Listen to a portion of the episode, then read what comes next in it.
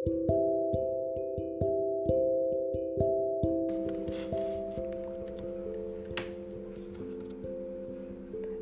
yang terkasih, hari ini saya akan membacakan Injil Yesus Kristus menurut Yohanes bab 13 ayat 21 sampai 33 dilanjutkan ayat 36 sampai 38 sebagai dasar dari permenungan saya yang saya bagikan kepada teman-teman semua hari ini.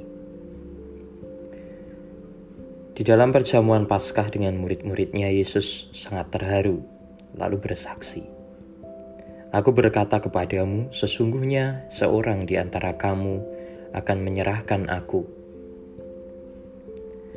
Murid-murid itu memandang seorang kepada yang lain. Mereka bertanya-tanya, "Siapa yang dimaksudkannya?" Seorang di antara murid-murid Yesus, yaitu murid yang dikasihnya, bersandar dekat kepadanya di sebelah kanannya. Kepada murid itu Simon Petrus memberi isyarat dan berkata, Tanyakanlah siapa yang dimaksudkannya. Murid-murid murid yang duduk dekat Yesus itu berpaling dan berkata kepada Yesus,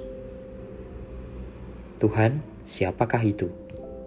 Jawab Yesus, Dia adalah orang yang kepadanya aku akan memberikan roti sesudah aku mencelupkannya.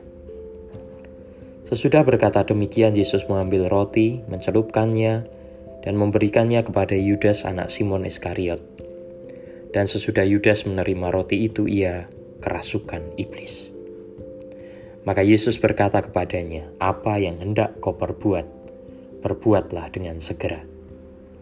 Tetapi tidak ada seorang pun dari antara mereka yang duduk makan itu mengerti apa maksud Yesus mengatakan itu kepada Yudas. Karena Yudas memegang kas, ada yang menyangka bahwa Yesus menyuruh dia membeli apa-apa yang perlu untuk perayaan itu atau memberi apa-apa kepada orang miskin. Yudas menerima roti itu lalu segera pergi. Pada waktu itu hari sudah malam. Sudah Yudas pergi berkatalah Yesus. Sekarang anak manusia dipermuliakan dan Allah dipermuliakan dalam dia. Jikalau Allah dipermuliakan di dalam dia, Allah akan mempermuliakan juga di dalam dirinya, dan akan mempermuliakan dia dengan segera. Hai anak-anakku, tinggal sedikit waktu saja aku bersama kamu, kamu akan mencari aku, dan seperti telah kukatakan kepada orang-orang Yahudi, ke tempat aku pergi, tidak mungkin kamu datang. Demikian pula aku mengatakannya sekarang kepada kamu, Simon Petrus berkata kepada Yesus, "Tuhan, ke manakah engkau pergi?" Jawab Yesus, "Ke tempat aku pergi, engkau tidak dapat mengikuti aku sekarang, tetapi kelak akan mengikuti aku." Kata Petrus kepadanya, "Tuhan, mengapa aku tidak dapat mengikuti engkau sekarang? Aku akan memberikan nyawamu bagimu." Saud Yesus, "Nyawamu akan kau berikan bagiku."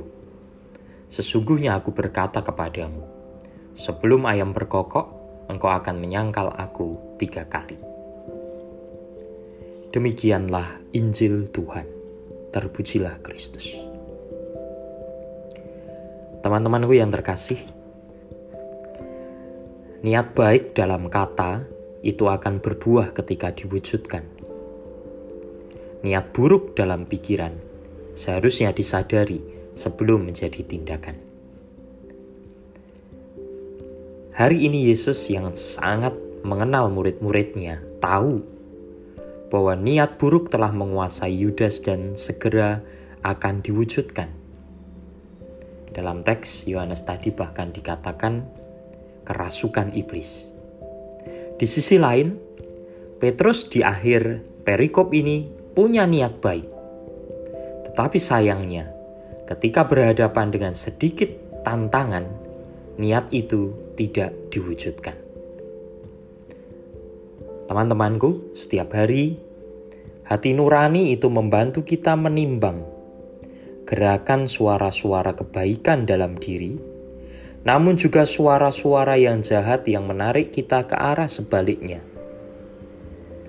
Mari kita membiasakan diri berdiskresi atau membedakan roh, mana suara kebaikan, mana suara kejahatan. Kalau kita sudah mempertimbangkan dengan baik, dan kita tahu gerakan atau niat baik itu, mari kita wujudkan dalam tindakan agar berbuah kebaikan pula bagi banyak orang. Dan jika ternyata ada gerakan-gerakan yang jahat, niat buruk, pembedaan roh, diskresi, membantu kita menyadari sejak awal agar niat buruk itu tidak menjadi tindakan. Mari di dalam suasana kesunyian dan keheningan, kita mendengarkan suara Tuhan dalam kesunyian hati nurani. Niat baik dalam kata, berbuah ketika diwujudkan, niat buruk dalam pikiran disadari sebelum menjadi tindakan. Salam berhenti sejenak. Lanjut.